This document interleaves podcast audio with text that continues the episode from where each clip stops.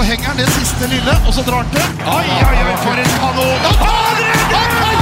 Torbjørn Bergerud redder! Er det håndballhistorie? Velkommen til kommentatorbua, episode syv.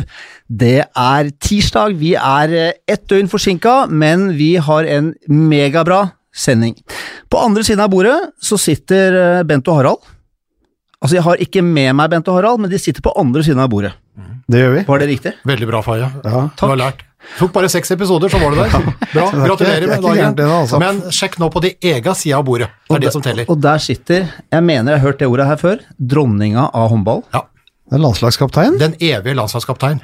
Og jeg sitter med hjertebank, for jeg, har litt sånn, jeg er litt sånn starstruck nå. Eh, hun heter Gro Hammerseng! Edin! Det er din! Ja, jeg må ikke glemme det. Jeg, Må ikke glemme det. Jeg har tross alt gått Ja, det var veldig veldig bra redda inn der, at dere tok med din. Ellers så hadde det blitt eh, dårlig stemning på hjemmebane når jeg kom hjem. Ja, skal, Velkommen, da. Tusen takk. Er det, det er, er det podkastdebut? Er ikke det? Eh, Du har nei, vært innom noen greier før, men du har ikke vært, i så, du har ikke vært i en så topptung uh, altså jeg har ikke vært i et sånt her klassepodkastmiljø før, altså. Og ikke nok med det, men uh, altså, det rommet her er utrolig hyggelig òg. ja, det er Det det. er en stor glede og ære å få lov å komme her med dere gutta. Ja, og det er jo gjensidig, selvfølgelig. For dette her er jo bra. Og årsaken, Faye, til at eh, Gro kommer innom, er jo ikke bare fordi vi er glad i Gro, men det er jo Vi har en del, vi har en del ting på tapeten i dag, Ja, altså. vi har det. Vi, har det. Vi, skal, eh, vi skal nemlig altså Hovedbolken Hovedbolken er rett og slett vi skal fortelle Torir Ja. hvem han skal ta med til, eh, til VM. Ja. Eh, fasiten sitter vel her. Det gjør den. Og han har så mye å tenke være. på. Han har så mye å tenke på nå at eh, vi tenker vi, vi hjelper han. Ja. Vi hjelper han litt. Og da er jo også hvem bedre er det å ta med på laget da enn Gro? Ja, Han kommer garantert til å sitte og lytte nøye han nå, sånn at han, eh, han, han kan sikre seg at han velger riktig. Han slipper jo masse hodebry. Det må jo være enkelt for. Ja, ja, ja. Eh, I tillegg så har vi også Dere gutta har vært litt i Dere har vært i Golden League. Ja, og, ja og, og det skal vi ta Det- faglig. det Men, men det viktigste er at vi, vi, er å, vi er nødt for å ta et pølsekurs. Altså, vi har, Ja. vi har prata tidligere om, eh, om, om sushi i tidligere episoder, og om det er bra Skal eller ikke dårlig. folk? Eh, Det mener Bent, andre mener at det er eh, topp. Sander Sagost mente at det var topp. Vi har Han om sa det var topp tre. Vi har prata om hvor lompa skal være. Den skal være over, ikke under eller nedi, sånn som de har i Østfold. Så vi har gjort, og Nå skal vi prate om pølser. Eh, danske pølser, det kommer vi tilbake til. og Da er det jo også veldig greit å ha Gro, for Gro er jo spesialist på Pølser? Ja. Ja, jeg, jeg vil jo si jeg definitivt er en pølseekspert. Ja. Har sett innmari mye forskjellige ulike pølser opp igjennom. Mange år i Nå, Danmark. nå ble jeg litt spent, faktisk. Ja, dette her Altså, Hva er bedre enn å invitere en lesbisk dame til litt pølse, Pølseprat. pølsepodkast? God gammeldags pølseprat, ja.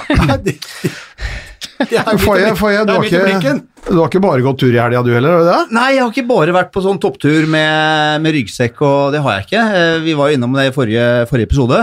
Jeg har vært i Trondheim eh, på et veldig rolig arrangement, og jeg tipper dere er kjempespent på hvordan det gikk sånn rent sånn sportslig. Nei, det, Nei, det, det bryr vi oss ikke om. Hvis folk lurer på hvem som vant de ulike klassene, så kan de klikke seg inn på håndball.no og lese der. Vi vil ha historiene bak. Ja. Eh, og det er klart at eh, vi, start, vi starter med det sportslige, kan vi ikke gjøre det? Eller bare si at Nei, vi, vi går- tapte kvartfinalen mot vårt kjære Uredd! Ja, ja, det, ja, det, det hadde du lagt opp til. Det visste vi jo. Ja, ja. Eh, ellers så var det tre dager med masse god dansing. Dette var jo i Trondheim. De hadde leid inn liveband, og det var bare Åge Aleksandersen eh, på repertoaret. Jeg er eh, fortsatt singel. Dette er ikke noen sånn kontaktannonse, men jeg må si at det, altså, jeg, det har ikke skjedd noe mer. etter ei helg på veteranene, så er du fortsatt singel? Ja. Er du helt ubrukelig? Hva er det nå? Jeg er ubrukelig, og det er, jeg, har blitt, jeg er begynt å bli, jeg er begynt å bli eldre. Jeg har ikke blitt uh, 50 riktignok, men jeg har blitt eldre, og uh, jeg går og legger meg i kristelig tid og, og lar, lar, lar de andre fortsette festen. Jeg vet ikke om jeg kjøper det her, eh, Ikke et sekund, Gro. Dette er jo ikke bare håndball, det er jo rød råd fra ene til annen. Da fikk ikke vi et bilde av en sammen med Jo, jo, jo. Jeg stemmer, jeg møtte jo, jeg møtte jo søstrene, det kan jo du, søstrene Søstre Birkrem. Birkrem. Er det Unni og Åse? Ja. Ja, det er tidligere landslags... Du vet hvem det er du, Gro? Ja, jeg gjør det. Ja, de var jo med på bronselaget i 86. ja, gjennombruddet. eh, gjennombruddet. Ja. Og, og jeg bruker jo Bent for det det er verdt, vet du. så jeg sa jo eh, Birkrem, søstre, eller jeg husker ikke helt hva jeg sa, men jeg sa 'kjenner dere Bent'? Ja, Bent, ja. Jeg tror det er fra Kristiansand. Jeg er ikke så vass på en dialekt, men Bent, ja. Det var ja, eh, Bare snakk østlandsk. vi, vi var på en samling i, på, på 80-tallet, og da ble han skada, og det eneste han gjorde, var å ligge på solsenga. Ja, det jo det. Så det var Det høres eh, ut som en sann historie. Ja, ja, det er altså På La Santa var det ikke mye å gjøre. Men, men, men, men, øh, men altså, du må dekke dine kilder, eller? Altså, det, er ingen, Ja. det er ingenting du kan, for det er jo mye. hva, Altså, det er jo det eneste stedet i Norge hvor det går flere kondomer enn isposer. Nei, altså, det, det har jeg ingen Det har jeg faktisk ingen eh, Jeg skulle til å si kommentar, men det, det veit jeg ikke om, altså, rett og slett. Jeg tror dette er, som sagt, dette er Det hører generasjonen til Bent til. Generasjonen min er mye roligere. Det skjer, eh, det skjer kjempelite, og folk, folk går og legger seg etter en Gro ler ræva av seg nå, du skjønner det? Jeg har jo ikke deltatt uh, enda. Gro, jeg vil ha med Gro på veteran neste år. Altså. Jeg mener, Gjøvik-jentene, nå var ikke de med i år, men de, de pleier å være med. Ja, jeg har hørt at de pleier å, de pleier å bidra sterkt på Ja. den festinga, i hvert fall. Jeg tror ikke det har blitt så veldig mye sånn finalespill og sånn, Nei, men nei, eh, nei, de pleier det- å bidra godt på festen. Eh, Men jeg har jo litt sånn lite inntrykk av at det er et gedigent, eh, langt julebord, da. Ja, det er det. Er Ja. det. det er det. Det skal sies at det er, en- det er tre kjempegode fester med masse dansing og god stemning. Man møter folk man har spilt mot eh, gjennom hele karrieren, eller når det måtte være. Eh, så det er det. Men er det liksom innafor å komme og være med på veteran-NM uten å spille? Fordi at jeg har jo overhodet ingen del av kroppen min som ønsker å Gro. utsette meg for å spille. Gro, der har du meg. Jeg spilte ikke. Skuldrene mine var ødelagte. Jeg var coach. Satt, satt på benken og, og, og, og, og Jeg coacha ikke, det gjør jeg ikke, men vi, vi satt og kosa oss på benken. Ja, jeg tror jeg må være coach altså, hvis jeg skal nærme meg det arrangementet. Så Ja, for, det det. ja, men har du tenkt i det hele tatt å Nei, delta? vet du hva, jeg har ikke tenkt foreløpig, men jeg er jo ikke typen som sier sånn aldri. Nei. Fordi jeg har faktisk mange gode, gamle venninner som har gjort det til en sånn årlig greie, som sier at eh, det er utrolig morsomt, og så ikke minst en anledning til å være litt sammen med gamle venninner, da. Men eh, jeg må jo si at sånn, i øyeblikket så frister det mer for meg å møte de til en hyggelig middag, og så drikke litt vin sammen med de, og så ikke ta tre dager på rad og spille håndball samtidig. Problemet ditt kan være at det er, det er slitsomt å gå rundt der og være Gro Hammerseng, tror jeg, da. Gro Hammerseng din, unnskyld. Uh, med tanke på at alle skal take det. Ja, men Det som på en måte kunne være fordelen, er at når jeg har drikket litt, da, så er jeg litt mindre høflig og, og litt bedre på å avvise. Eh, men Kanskje vi får høre litt, kanskje vi får høre litt om etterpå. Uh, foreløpig er ikke det en del av planen altså at jeg skal til veteran-NM, men jeg kunne godt tenke meg å være tilskuer. Bruke noen kroner på å reise og se på dette her. Det kunne jeg tenke Da banker vi den. Gro skal være med neste år. Det kan godt tenkes at, kan godt tenkes at eh, kommentatorbua på en måte er på veteran-NM neste, neste år, bare for, å, bare, bare, for å, bare for å se. Bare for å være med og se. Hvordan er det? Ja, Bent blir hjemme, men vi andre, vi andre kan reise. Men vi har jo Veteran-NM. Ja, men vi kan, Ja, eh, nei, men det er, det er flott, det, Faye. Jeg synes det, er, det kan være Det er jo som Gro sier, altså det, er jo, det er jo et treffsted for mange som på en måte bor, og det er folk som spiller på lag som de spilte på når de var yngre, bor et helt annet sted når vi møter de, med de folka. Så det er helt sikkert. Altså, jeg så jo noen av mine gamle venninner slash eh, lagvenninner som hadde faktisk vunnet en klasse. Og det var noen eh, godbiter på det laget som jeg tenker at åh, det hadde vært eh, gøy både å se de in action på en håndballbane, og ikke minst eh, ta noen glass med vin sammen med de etterpå. Altså godbiter som i at de er altså eh, godbiter, ja, det var det jeg tenkte på. Godbiter som Så er- ærlig talt, da! altså, da mente jeg godbiter som i noen bra folk, da. Ja, okay, okay. det var det jeg ja, tenkte. Men ja. det burde jeg kanskje ha presisert når jeg sitter her sammen med dere tre klovner. Eh, Det var du som begynte med de der eh, pølsene, Gisle. Det var ikke vi. Eh, Men eh, Golden League altså Jeg skjønner at du ikke vil gå i detalj her, fordi da hiver du folk under bussen.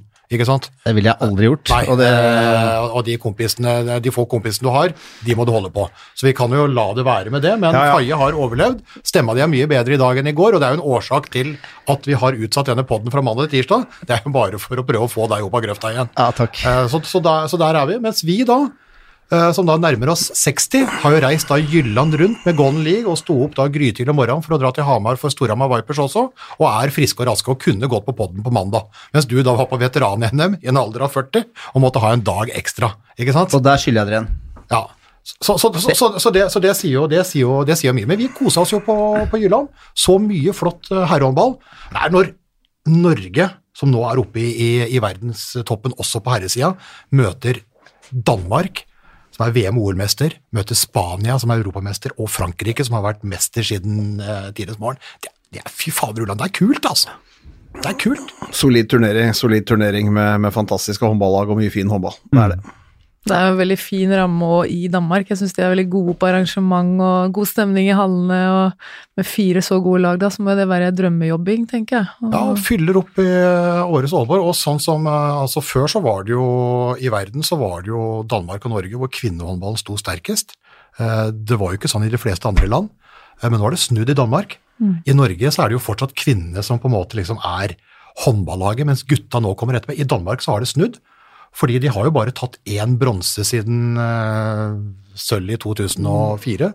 Uh, og, og gutta er på en måte rent over det. Så der har det, der har det snudd. Så gutta populære. De fyller, fyller haller i, i Århus og Aalborg, og, og våre gutter, selv med mange ute, henger med, altså. Så det blir spennende i, eh, i EM. Kult, bare veldig kort, Bent. Eh, Tror du Berge fikk noe, noe svar i forhold til kampene? Ja, altså, jeg tror han er ganske trygg på den gjengen han har hatt. De som er ute, er han veldig trygg på. Også. får han, så får han prøvd å teste noe nye. Han var veldig fornøyd med Sander Andreas Øverjordet, som uh, Haslum-spilleren som kom inn og, og gjorde, gjorde en fin figur. Jeg syns William Aar, den tida han var på banen, kom, eh, kom greit fra det, så det var, uh, så det, var det. Så sto han med, så sto han jo også mye da med, med, de, med de vante og de som da er der, selv om, selv om det er et par mann borte. Så vi har jo altså, vi har et luksusproblem i den høyre bakspillerposisjonen hvor eh, altså, Abelvik, Rød og Tønnesen var ute, men allikevel så står Tangen der, og så står uh, Reinkin der, ikke sant, som tross alt spiller topp dansk og topp tyske lag. Så, så Norge har en stor bredde. Det, de har de, en mye større bredde enn de har hatt. og Det betyr også at han kan bruke den samlinga her og den turneringa der til å kunne få testa noen eh, litt, litt i noen posisjoner, gi noen litt erfaring og få sett på litt flere når du møter det aller, aller, aller beste. Kommer jo flere yngre keepere, og det er mm. viktig. Bergerud er jo ung. ikke sant? Altså Christensen er jo pluss 30, Bergerud er jo kun noen og 20. Men det kommer opp nå liksom bak han nå, ikke sant. Eh, med Sæverås der, eh, og Robin Ja, Haug Robin og så Haug. videre. Så det, det, det, det, så, går- det så går han bra, altså. Sæverås har uh, signa for Leipzig, tror jeg. Stemmer det? Ja, Ja. Har du sett noen som virkelig som får deg til å Fy fader, Ulland, det der er en kul fyr. Altså, jeg syns generelt bare herrehåndball er veldig gøy å følge. Jeg har sånn tradisjonelt vært mest interessert i å se på damehåndballen. Ikke fordi jeg driver og sett etter godbiter. det har jeg selvfølgelig også gjort. Men, Ja, ja. men eh, jeg skal være ærlig på det, at jeg har sett mest Ja, du, har jo damehåndball. du har jo plukka brukbart, jeg må jo si det. Men nok om det. Men eh, jeg må si det at jeg syns det er dødsgøy, rett og slett, at Norge har blitt så gode. Og det at de nå viser sånn over flere år at de er helt oppe i toppen der, det, det er helt rått. Og jeg er sånn litt stolt av å være norsk som har eh, så godt landslag på begge sider, da. Så, så jeg har ikke en sånn utprega favoritt som jeg har tenkt at åh, dette gleder jeg meg til å se mer av, men dem som lag. Og så syns jeg at uh, Christian Berge har vært uh, ganske rå som trener. Jeg er imponert over måten han leder de på, og at det virker som han gjør det med ganske lave skuldre. Det syns jeg er kult. Altså, tror jeg det handler mye om, som Sander Sagosen også sa i, I forrige forrige, podcast, ja. altså at det er på en måte de Det er de morsomste håndballdøgnene han har i året, det er når han er med det norske landslaget. Fordi at altså, Christian er ekstremt flink til at altså, de skal ha det moro, det skal være gøy, det skal være fleipete, men samtidig skal det være, være med en seriøsitet i det hele. Så altså, de koser seg veldig sammen, og som gruppe så er det klart at det er, det er en harmoni i det, og det er, det, er, det er også viktig når du skal prestere. Skapt et veldig godt miljø, altså for prestasjon og for å trives sammen. Det, er jo, det, er jo en, eh, altså, det er en fantastisk eh, greie å ta med seg inn i kamp. Ja, det er jo en suksessoppskrift, definitivt. Og det kommer jo gjennom skjermen nå når man sitter og ser på de, at mm. det er en gjeng som koser seg innmari med de de driver med. Og det tror jeg er mye av årsaken til at de har klart å ta de stega òg. Det er at de har økt profesjonaliteten sin, da. Og så i tillegg tatt vare på det at eh, ok, hvorfor er det vi holder på med det? Det er fordi at det er noe av det morsomste vi veit om i hele verden. Og den kombinasjonen, den er, eh, den er gull.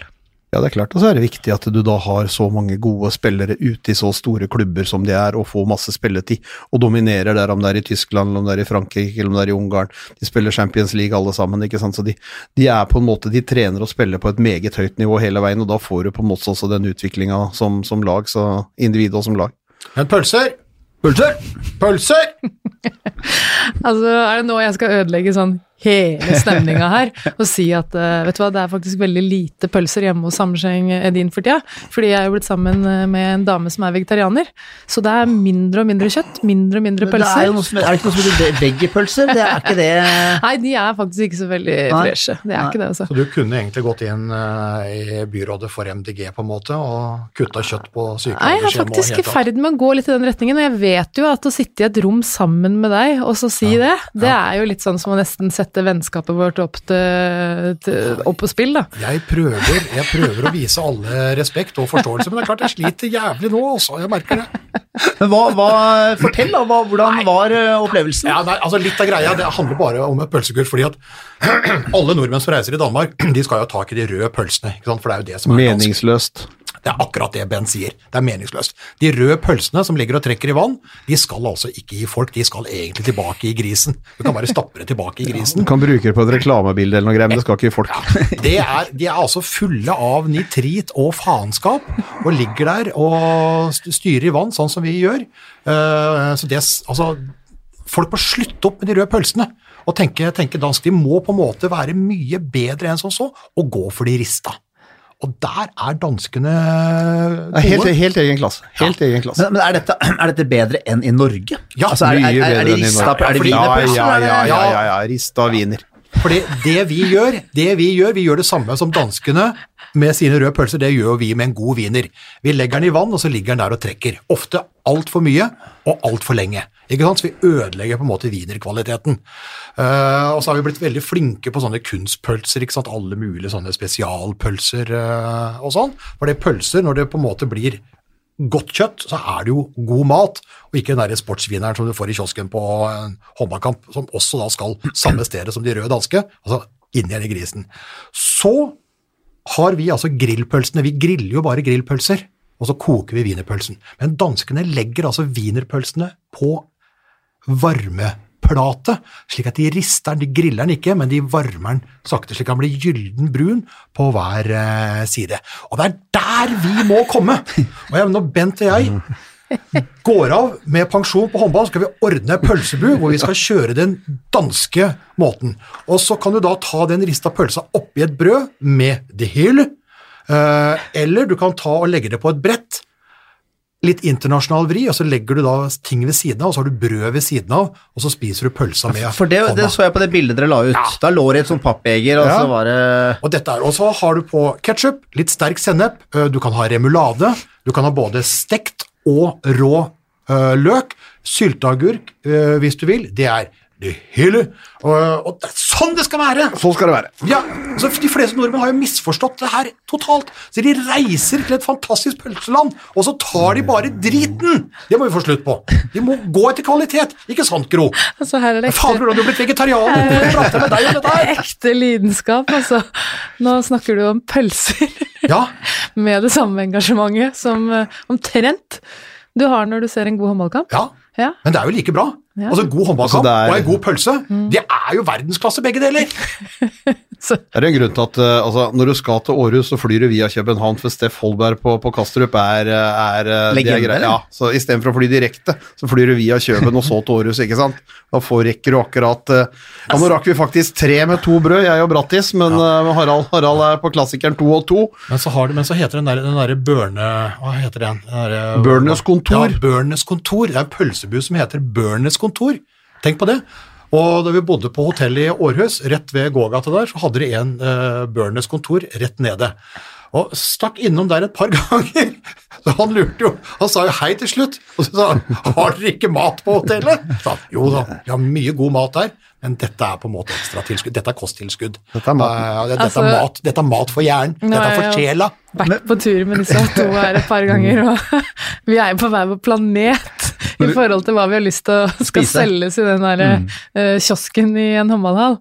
Uh, så jeg kunne godt ønske meg alt annet enn pølser i kiosken. Ja, ja, men det er, mye, det er så mye dårlige pølser i dårlige kiosker.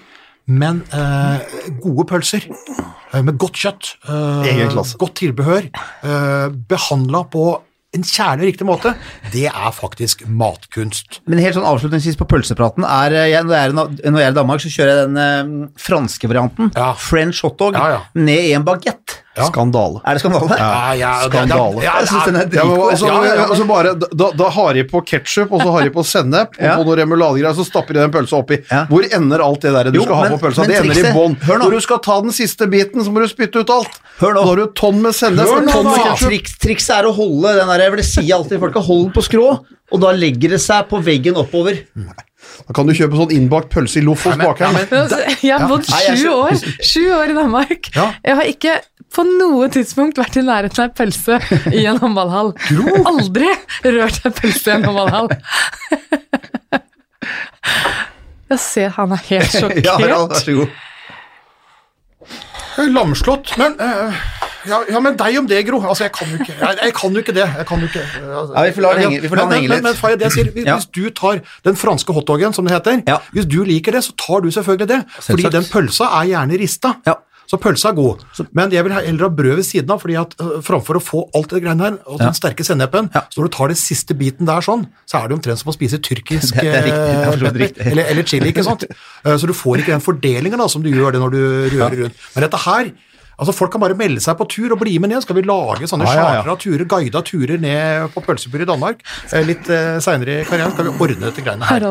Jylland rundt. Det blir, det blir, vet du hva, Gro? Det blir spennende å se hvordan disse gutta skal klare seg i Japan.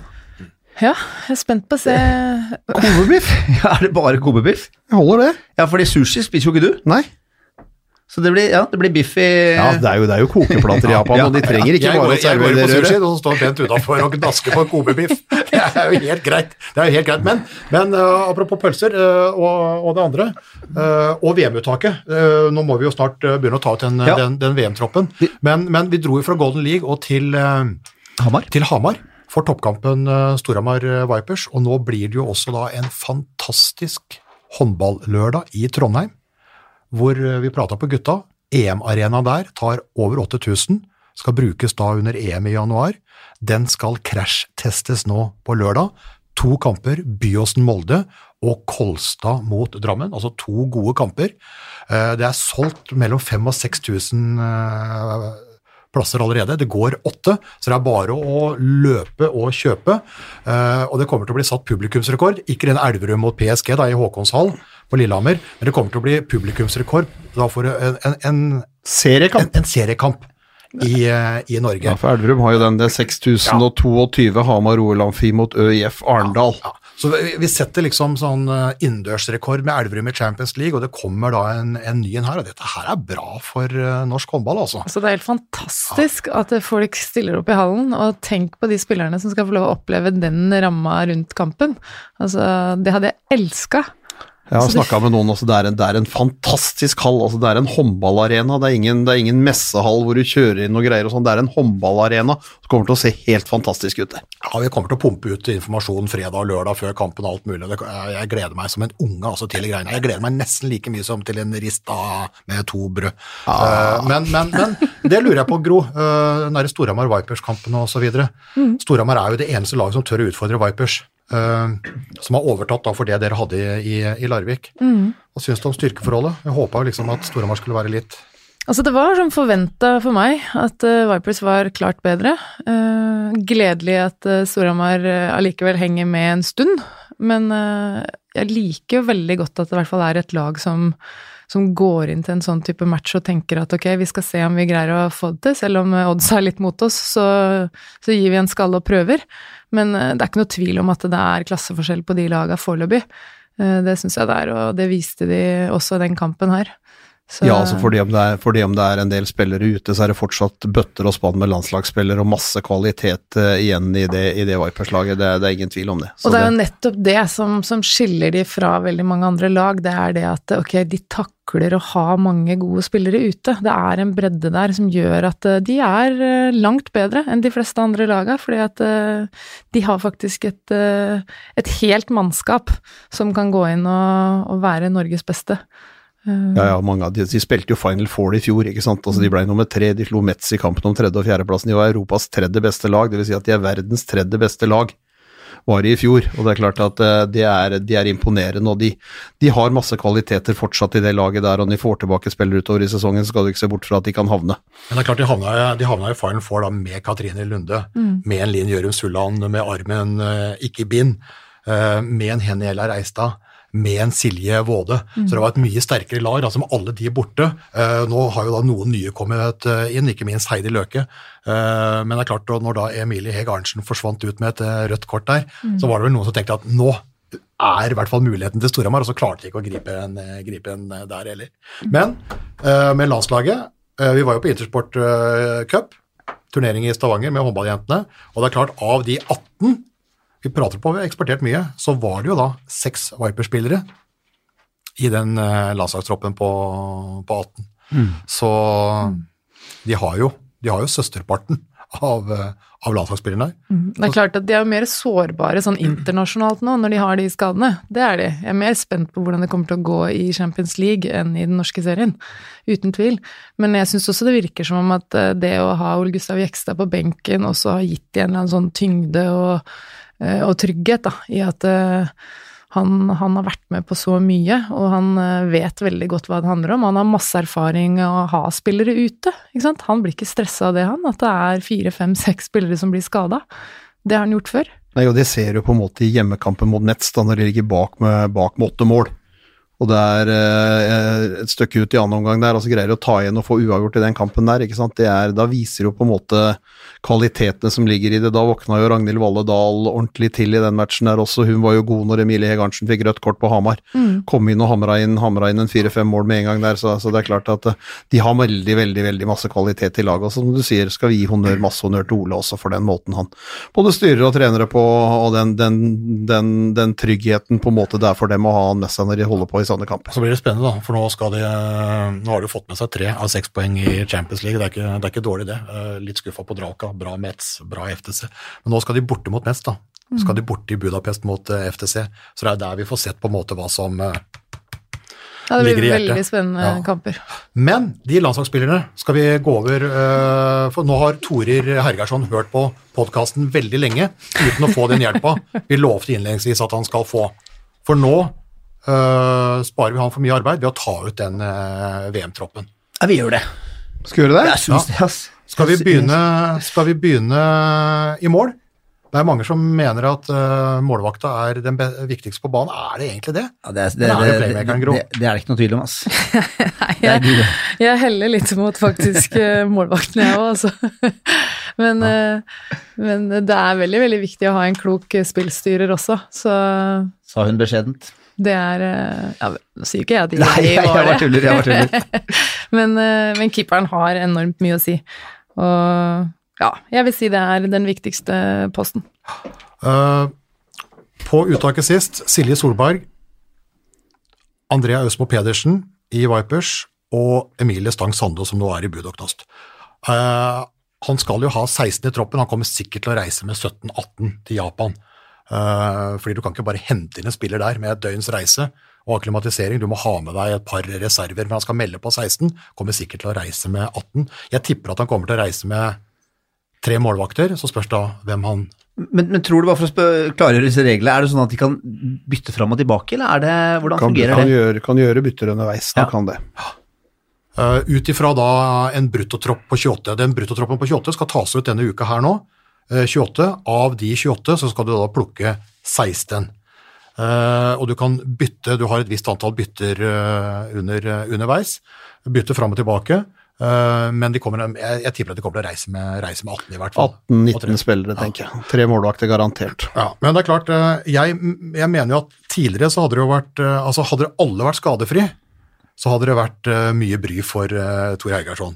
Men Katrine Lunde, Kari Olvik Rimsbø, Nora Mørk, Henny Ella Reistad, Kjerstin Boge Solås, Amanda Kurtovic og Veronica Christiansen er altså ute. Det er frykt Det er jo nesten en sjuer, det. Ja, det er, frykt det er fryktinngytende. Så spørsmålet er er det folk igjen? Det er jo definitivt folk igjen. Og det er jo det jeg blir sånn forbausa over, at Norge klarer å produsere ekstremt mye gode håndballspillere, altså. Igjen og igjen og igjen og igjen. Jeg skal ikke si jeg blir forbausa over det, men jeg syns det er imponerende, for det er ikke så veldig mange andre nasjoner som hadde takla det her. Eh, og, vi sitter fortsatt igjen med enormt mange gode spillere, og spesielt en førsteoppstilling, da, som det virkelig er eh, høy klasse på. Så er det klart at eh, vi er redusert, vi er svekka. Det blir vanskeligere å, å vinne gull, definitivt. Men Men en førsteoppstilling her er jo en klasseoppstilling, og så kommer det veldig mange gode spillere som, som er eh, litt bak i rekkene, men eh, jeg tenker jo det at eh, kanskje de viktigste er jo da Katrine Lunde, Kari, som mangler. Men der er vi jo bortskjemte, da, og har en Silje Solberg som faktisk også er i, i denne verdensklassa. Silje Solberg redda jo EM-gullet til Norge i Ungarn i 2014.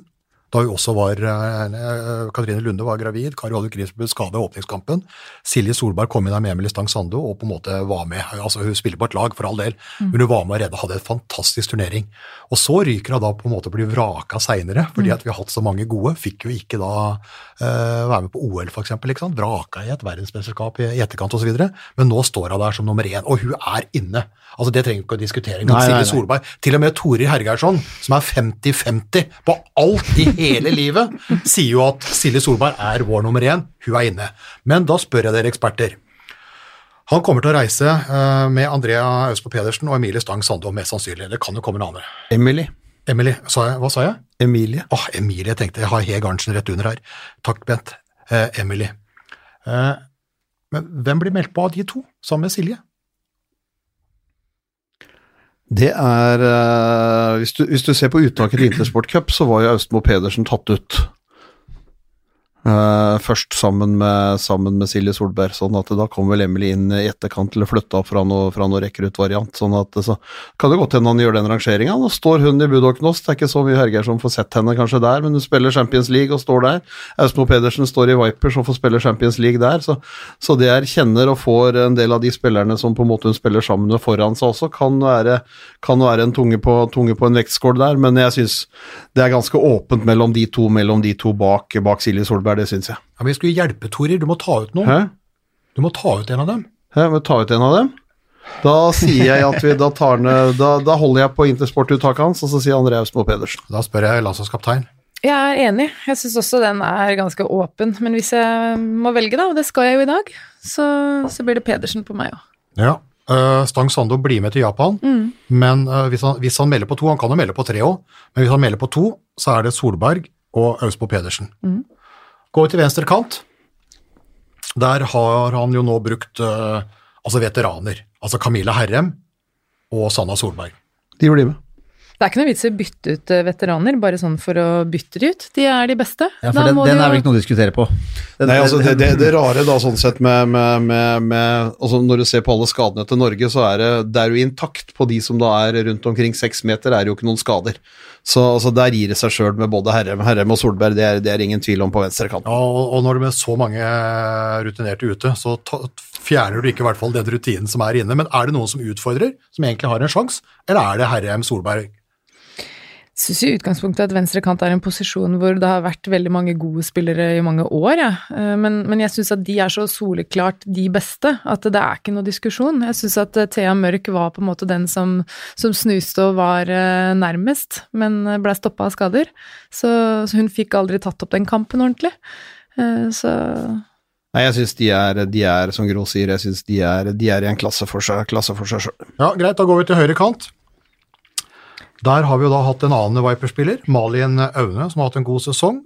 Og uh, vi har jo da Marit Røsberg Jacobsen, som er en av mange som spiller i Danmark. Er det også like opplagt? Ja. ja. Ok, ja. fordi Altså jeg må si at eh, hver gang jeg ser Malin Aune i øyeblikket i kamper, så, så blir jeg skikkelig, skikkelig glad, fordi at hun imponerer meg så voldsomt. Og jeg syns at eh, eh, det er rett og slett en fryd å følge. Og så Marit Røsberg Jacobsen har også vært god i, i de kampene jeg har sett, og absolutt uh, vist at hun er den som bør være med på plassen sammen med Malin Aune. Ja, det er to klassekanter som på en måte er De er gode i kontringer, god avslutningsteknikk. Uh, Røsberg Jacobsen kan skyte straffer i tillegg og gjør det en del i Esbjerg, så, så det, er, det sier seg sjøl. u- u- utfordrerne er ikke altså, de, de, de, de finnes der, men de er ikke, de er ikke nær nok. Nei, de er ikke nær nok sånn sett. Det er en Emilie Hovden som, som spiller for Storhamar, som på en måte var god i kampen mot Vipers, men, men er fortsatt hakket bak de to der.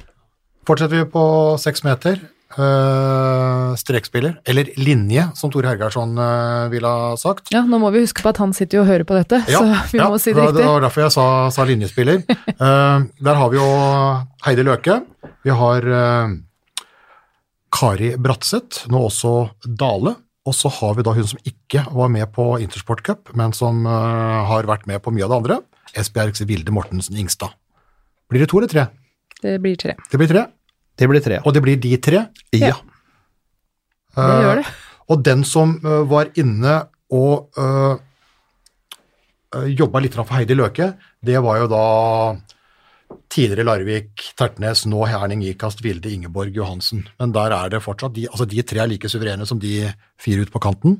Ja. Ja. Det skulle jo være, hvis at eh, det viser seg at eh, Løkes kne av en eller annen grunn ikke skulle takle den harde kampbelastninga som kommer framover, så er jo Vilde en naturlig kandidat. Altså Vilde Ingeborg Johansen.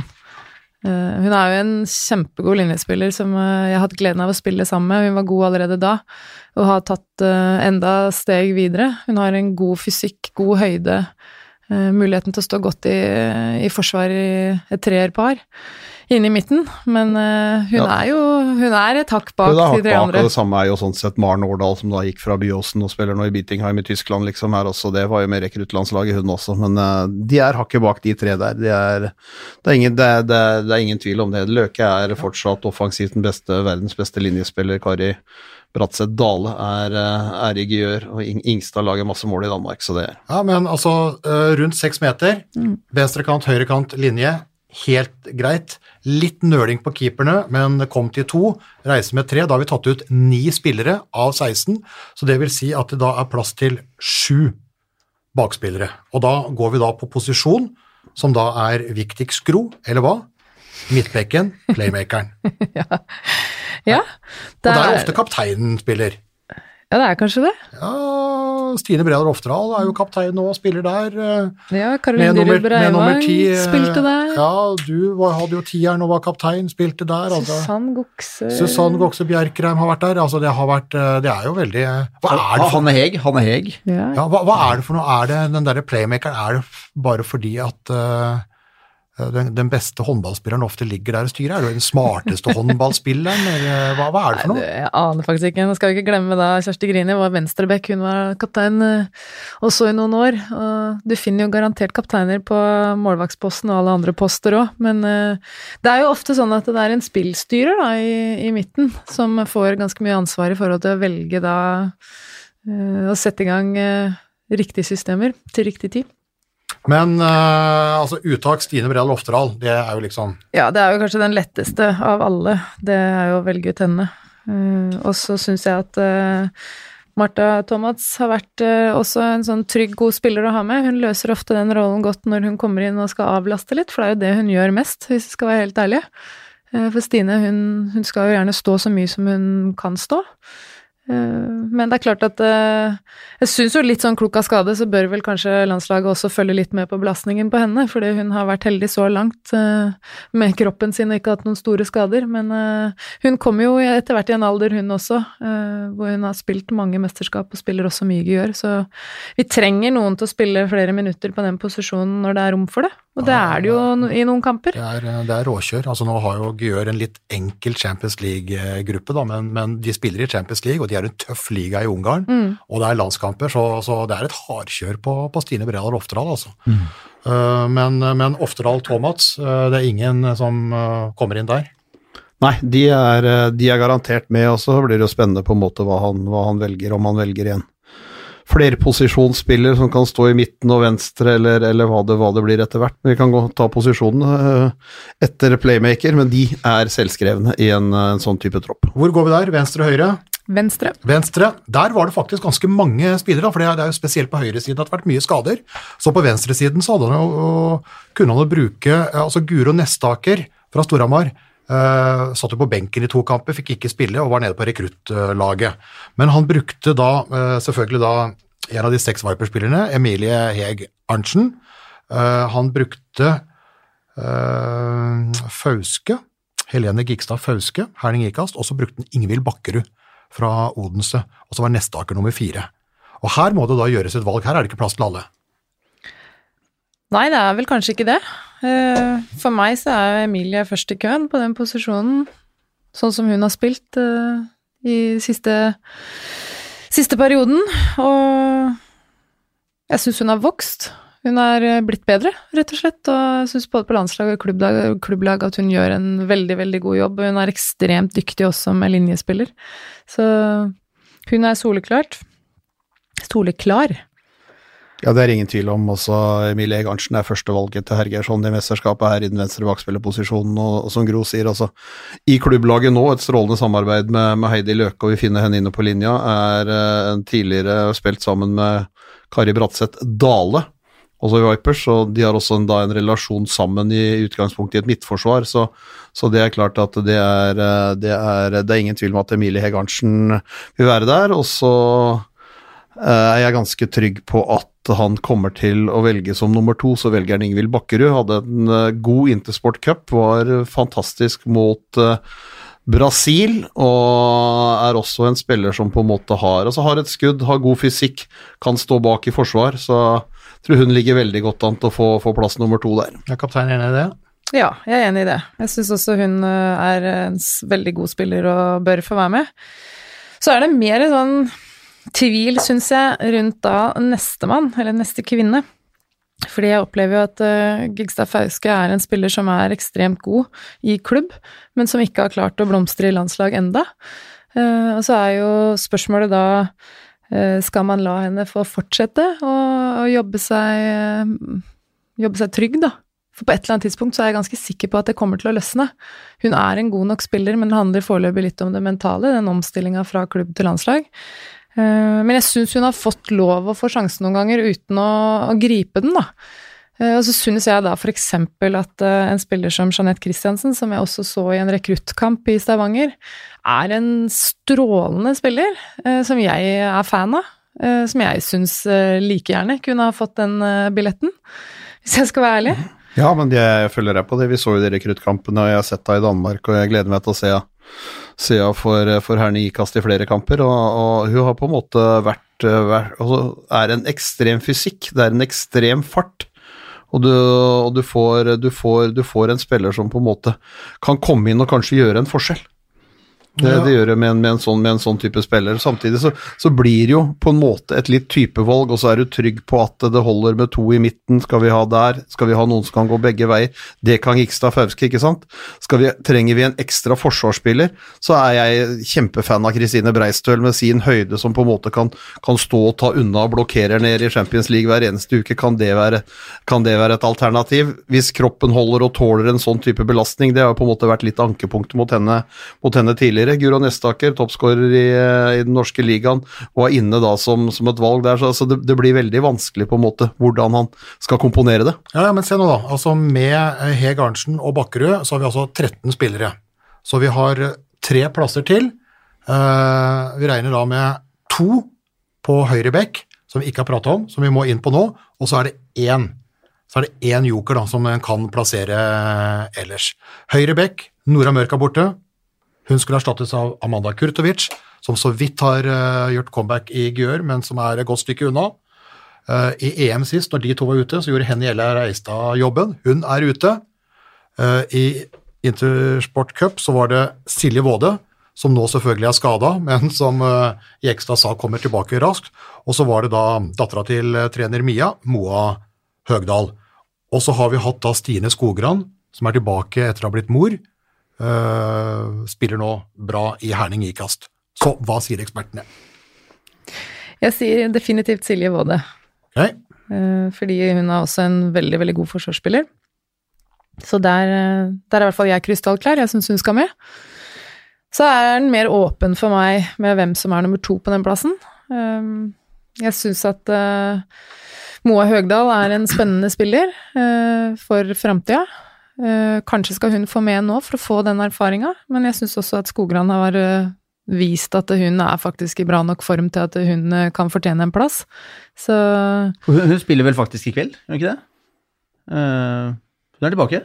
Og ja, i og med at vi mangler såpass mye rutinerte spillere som er ute, så, så vil jeg da kanskje gå for Skogran fordi hun har erfaring og, og kan spille kanskje med en litt sånn større trygghet og kanskje være mer stabil, da. Ja, men jeg følger, følger Gro på det hele veien. Jeg hadde Skogran inne på, inne på, på det jeg skrev opp før vi satte oss ned her, og syns at hun så, så er det kanskje noen praktiske ting. Hun har blitt mor, hun har et lite barn, om det da er eh, og hvordan de skal løse alle praktiske ting rundt det. Men sportslig sett så er det ingen tvil om at jeg syns Stine Skogran skal være med i den norske VM-troppen. Da har vi i så fall eh, fem spillere, hvis vi er enige om det. Eh, Vi har Herrem og Solberg venstre kant. Vi har Øvne Røsberg Jacobsen høyre kant. Vi har Løke, Bratseth Dale og Mortens Ingstad på linja. Vi har eh, Heg Arntzen og Bakkerud Venstrebekk. Oftedal og Thomas i midten, og nå Våde og Skogran på høyre bekk. I mål Solberg og Pedersen. Rask hoderegning for en som strøyk i matte på første klasse videregående, er 15 spillere. Så hvem Blir den siste. blir den siste? Det har vært flere her. Det har vært en Breistøl, det har vært en Jeanette Christiansen, det er flere på, på rekruttlaget her. Eh, blir det en ekstra eh, midtbekk, en ekstra høyrebekk, en ekstra venstrebekk, en ekstra forsvarsspiller, en ekstra keeper? Altså Det tenkes! Ja. Jeg tenker jo at uh, jeg tror det kommer til å løsne for Gigstad Fauske. Uh, og hun kan brukes i flere posisjoner. Hun er en spiller for framtida. Så jeg eh, kaster inn henne. Men hva, jeg bare spørre, men hva da med Ragnhild Valle Dahl, som har eh, skutt seg inn i Norge, iallfall i mange sommerhjerter? Nå har vi sett på Vipers. Mm, jeg tror hun kommer, men jeg tror ikke hun, hun, hun kommer ikke nå. Hun har vært for lite med til at, eh, Mm. at hun eh, Hva skal jeg si Får tid til å så spilles inn i noe. Mm. Så det tenker jeg blir neste kapittel. Ja, det er et, det er et godt bud på, på, på Ikstafauske, som du sier, vært, vært god i Danmark. Vært ute nå da, så spilte ikke Intersport Cup, stått over to e-cupkamper og tre seriekamper i Danmark pga. hjernerystelse. Skal spille tirsdag kveld, som også er i kveld, eh, mot Esbjerg, ifølge, ifølge treneren hennes i, i Herning Ikast håndball, at hun kommer på banen, banen i dag. Så, så, så, hvis, så, fremt det går bra, så tror jeg hun, hun ligger godt, godt an til å kunne komme, med, komme, komme inn der. Men jeg hadde valgt enten ekstremferdighetene til Jeanette Christiansen eller Breistøl. Jeg sier Jeanette Christiansen.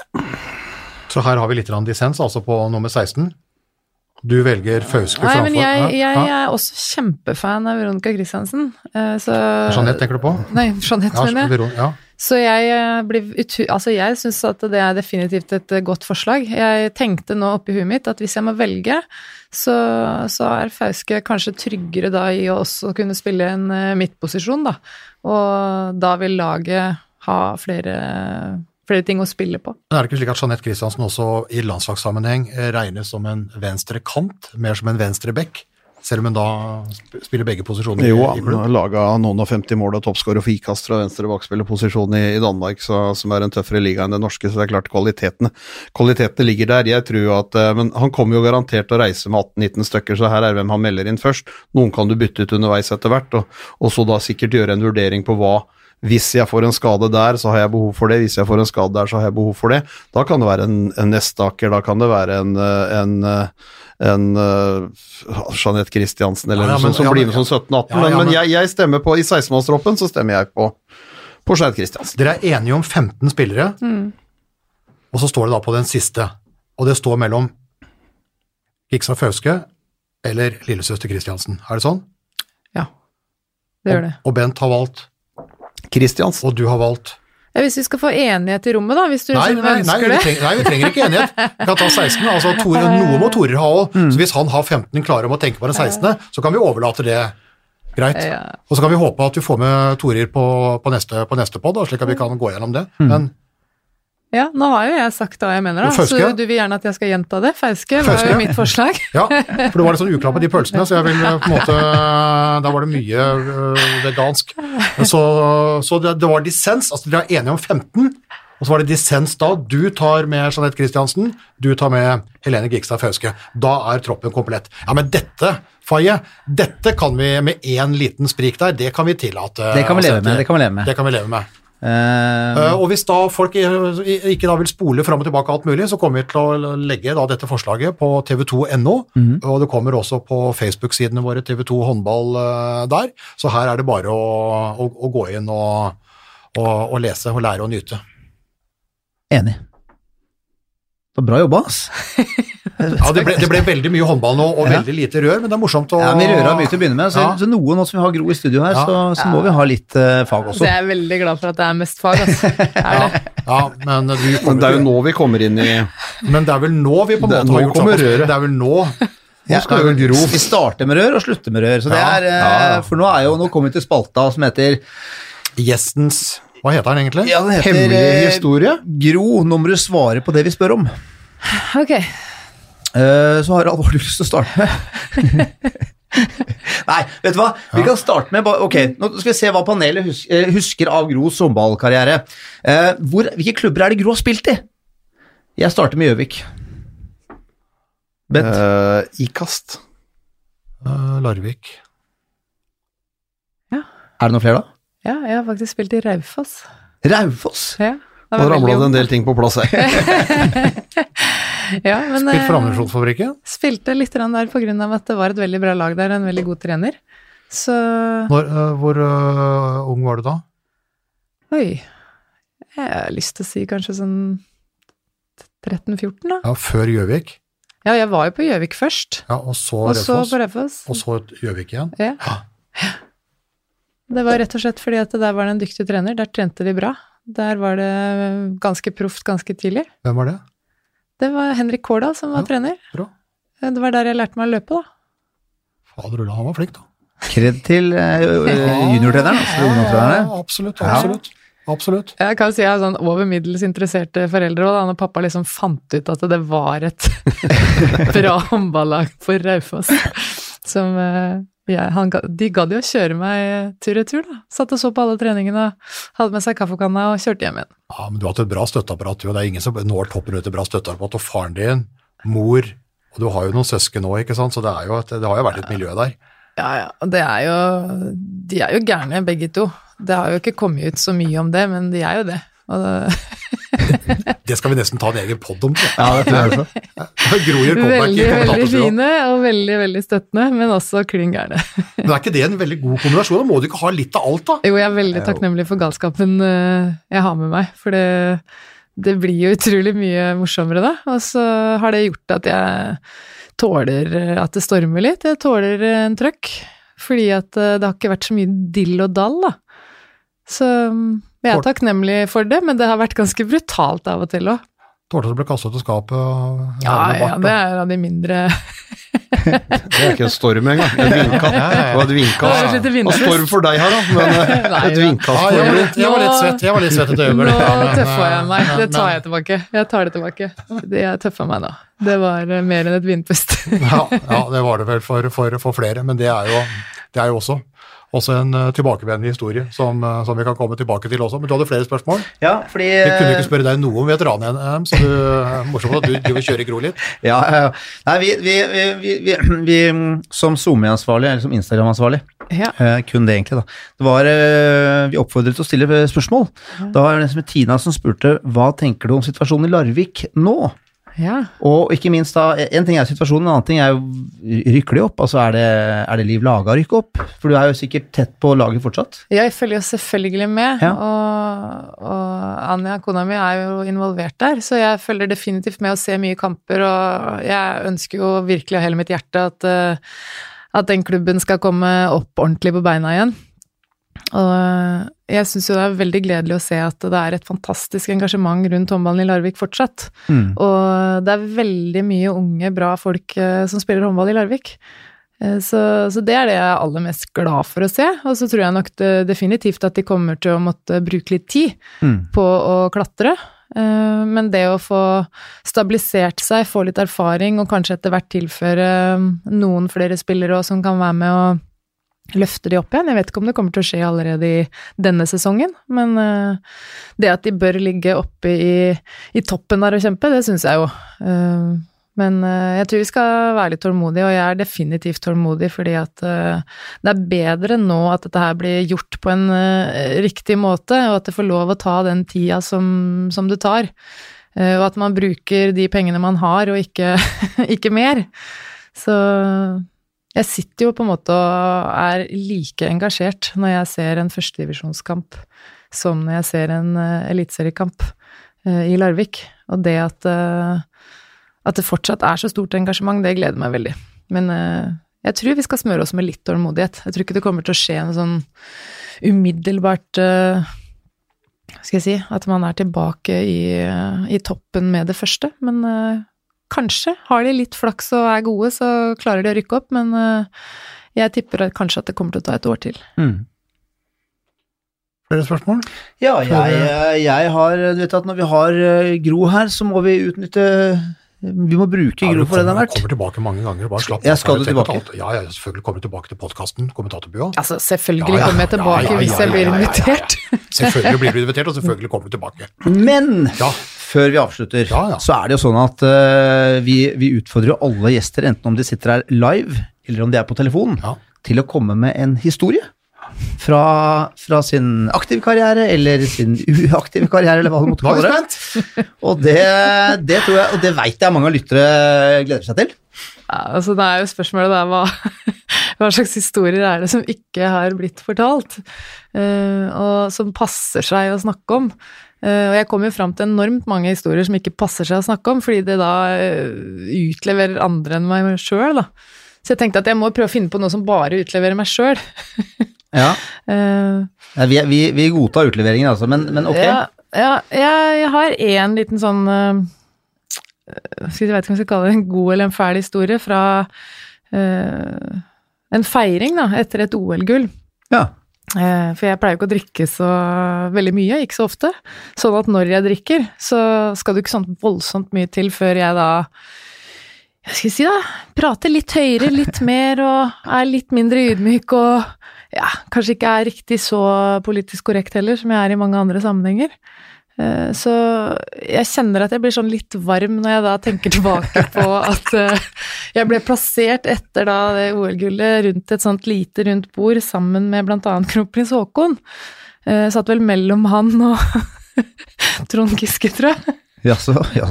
Og da tenkte jeg sånn umiddelbart når jeg fikk vite at jeg skulle sitte på dette bordet sammen med de, at ah, kanskje liksom litt sånn dårlig tidspunkt å skulle sitte der, når du akkurat har vært på å vinne ditt første OL-gull, kanskje det eneste, da, det endte jo med å bli det.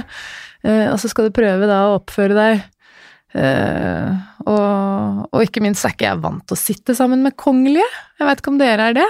Som dronning, er du ikke det? Nei, jeg er ikke det, altså. Så jeg, jeg, jeg husker at jeg spurte sånn på forhånd om åssen skal jeg liksom tiltale han da? Er det sånn, skal jeg si Deres Kongelige Høyhet, eller kan man si du, eller kan du si Håkon, eller hva skal jeg gjøre? Det var visst greit at jeg snakka til han som en vanlig person og sa navnet hans og Men så, etter noen glass med vin, så endte det ut i at jeg eh, faktisk da begynte også å spørre kronprinsen om eh, han eh, hadde noe ballfølelse, noe balltalent. Fordi at eh, jeg dreiv da og lurte litt på sånn donormateriale. Så jeg tenkte da på om han liksom eh, kanskje kunne være en potensiell kandidat. Spurte du kronprinsen om han kunne være far til ditt barn, Gro? Jeg er liksom ikke helt sikker på hvor direkte jeg var i spørsmålet, men det, var liksom, det kunne ikke misforstås. Og det syns jeg var en eh, kjempeidé eh, der jeg satt. Eh, og jeg tror også faktisk jeg var liksom i det lune at jeg hadde så innmari lyst til at han skulle innrømme at den jobben hans det innebar ekstremt mange sånn kjedelige oppdrag. Så det prøvde jeg å få han til å liksom bekjenne, da. At du, er ikke du med på jævlig mye trå middager og møter? Men han var utrolig proff og, og hyggelig og tok jo det her med, med strak, på strak arm, han. og jeg husker ikke sånn ordrett hva han svarte, men eh, jeg kjente på det litt sånn etterpå at det kan hende jeg kanskje kunne ha spart meg for å begynne å snakke donorprat med kronprinsen. Eh, Men det gjorde jeg. Det gjorde jeg. Fy fader, Ulla, det er røft, altså. I OL-gullrusen OL-gullrusen min, da. Ja, Så ble hvor- jeg litt Jeg fikk litt overtenning. OL-rus og, og, og et par glass, Ja, og vel så det. ja, det var kanskje litt mer enn par i glasset òg, da. Og så Hadde du spurt hvis Mette-Marit hadde vært der? Det verste er at jeg tenker at tja, kanskje til og med da. Men før vi nå uh, må spise middag, så må jeg spørre deg, øh, Gro. Ja. Uh, for du har jo uh, to barn. Ja. Du er mor, og far er jo da donor. Øh, er det slik at kronprins Haakon er far til ett eller begge barna dine? Det er ingen sjans i havet for at han er det. fanken. Tenk da om den kommende kongen faktisk hadde vært far til håndballdronninga. Altså. Ja, det var helt rått. Gutter, hadde ikke det Det vært klasse. rått, da? Er klasse det? Er klasse det? Men så heldige er vi ikke. Så, så heldige er vi ikke. Nei, men det kan bli bra, det kan bli bra uansett. Ja. Men altså, det var jo bare ett av krava, det var balltalent. Ja. Det var selvfølgelig mange andre krav, så jeg skal ikke uttale meg om han besto de andre krava. Men du, men du, tok, du tok det med vår kom- kommende konge. Ja, jeg ser at du er litt rød i kinnet fortsatt. Uff a meg, ja. Jeg håper jo at folk som hører på skjønner at dette er tull, da. Det er ikke noe sånn at jeg har et krav om at donor måtte ha balltalent. Selv om det selvfølgelig hadde vært en hyggelig bonus. Ja, ja. Men har eh, donor, eh, som da ikke er kronprins Haakon, da, eh, noe talent? Aner sånn ikke, sett? aner ikke. Ja, du vet ikke ennå? Nei, jeg vet ikke Altså om, om han Minin, altså de gutta, om de har noe talent? Ja, om gutta dine, om det, om det blir Å, herregud. Aner virkelig ikke. Men eh, det jeg kan si, er at jeg har i hvert fall én sjuåring med minst like mye konkurranseinstinkt som eh, Ja, det, den ene mora si. ja, det trenger ikke å komme fra donor, det kan faktisk komme fra Og det kommer til å bli slitsomt å, å håndtere, men det kommer til å bli jævlig moro. Det er helt korrekt. Moro. Unga skal ha litt vinnerinstinkt, ikke sant? Skal være litt utfordringer Ja, men for Det er jo en helt egen podkast, den kan vi godt ta neste gang. Mm. Det her med hvor mye konkurransementalitet er det greit å ha. Mm. Der har jo jeg masse tanker. Syns det er et kjempespennende tema. Fordi at jeg føler at det er litt sånn at eh, ungene våre vokser opp, og så prøver vi å pille det av de. Fordi at eh, de skal liksom ikke oppføre seg sånn. De skal ikke være opptatt av å vinne, og de skal i hvert fall ikke være opptatt av resultatet. Eh, Så syns jeg det er litt sånn trist, da. At vi skal prøve å ta det vekk fra de som om det er noe gærent med de hvis de har det. Alle kan ikke bli like, du kan liksom ikke samle fra høyre og venstre side, og så skal du putte alle inn i en bås i midten, det nytter ikke. Du, synes, det, var, det, var, det, var en, det, var, en nyd, det var en djerv og nydelig historie, eh, som jeg ser du fortsatt sitter og er litt uh, rød på. Tusen takk for at du Ja, altså, jeg er- delte, delte den med Ja, oss. bra. Jeg er jo erfaren nok i denne bransjen til å vite at eh, ved å si dette i en podkast, så er det jo ganske stor sjanse for at det blir sånn åh, blir det en godbit av en sak Ja. som man kan klikke seg inn på, så Jeg er det kan, jeg kan si så mye, Gro. Jeg tror Ja. faktisk ble en ålreit video. Eh, og det kan godt tenkes at den leses eh, på, på Slottet og på Skaugum og en del andre herskapelige ja, kan, steder. Kan hende Mette-Marit får seg en god latter, da. Ja, det kan, eh, det, kan, det kan også, så lenge hun er trygg på, så går det vel, går det vel, går det vel greit dette her. Men eh, jeg har i hvert fall såpass mye har jeg skjønt her, at eh, vi har gitt en utstrakt hånd til landslagssjef Tore Hergeirsson, som nå da på en måte kan slappe av, for VM-troppen hans er tatt ut. Han har kun én eh, spiller. Han må da En hodepine. En, en posisjon han må vurdere, og så vet vi at Gro må komme tilbake. Mange flere ganger. Definitivt. Tusen hjertelig takk for at jeg fikk komme og være gjest. Det var en fornøyelse, som alltid. Ja, men nå skal du, nå, det er nå du går fra gjest til deltaker. Du må gjøre det, vet du. det, Ja, det, det, det, det prater vi om seinere, men nå nå må vi ut og se om det er noe rista pølser. Nå er det rett og slett mat, som Ja, rett og å si. slett, Ja. Nei, men takk for i dag, da, gutter og jenter. Vi, vi høres om ei uke. Nå prøver Bent å si det. Ja, men du, hva skal du si nå? Folk skal reite. Ja, ja, er, det er, det er jeg, vet hva, jeg er så opptatt av Gro har vært i studio i dag. Ja, jeg Vi ser må det. rate. Gro, har du rata oss? Nei, jeg har ikke det. Nei, og det er 99 ratinger, og du kan bli den hundrede. Ja, Så det skal du bli etterpå. Og de skal følge oss på Instagram, og komme gjerne med en kommentar eller spørsmål. Setter vi pris på. Sorry, Bent. Jeg Jeg var eh, ingenting. dårlig, eh, dårlig av meg. Nei, nei, det, det går, det. Ja, gult, kort, gult kort til Faye. Fint. Men nå er det mat, og Gro kommer til å gjøre comeback i kommentatorbua. Ja, Hepp, hepp. Nydelig. Ha det. Oi, oi, oi, oi, oi. Det er råsterkt. Så henger han det siste lille, og så drar han til. Oi, oi, oi, for en kanon. Han redder! Torbjørn Bergerud redder! Er det håndballhistorie? Moderne media.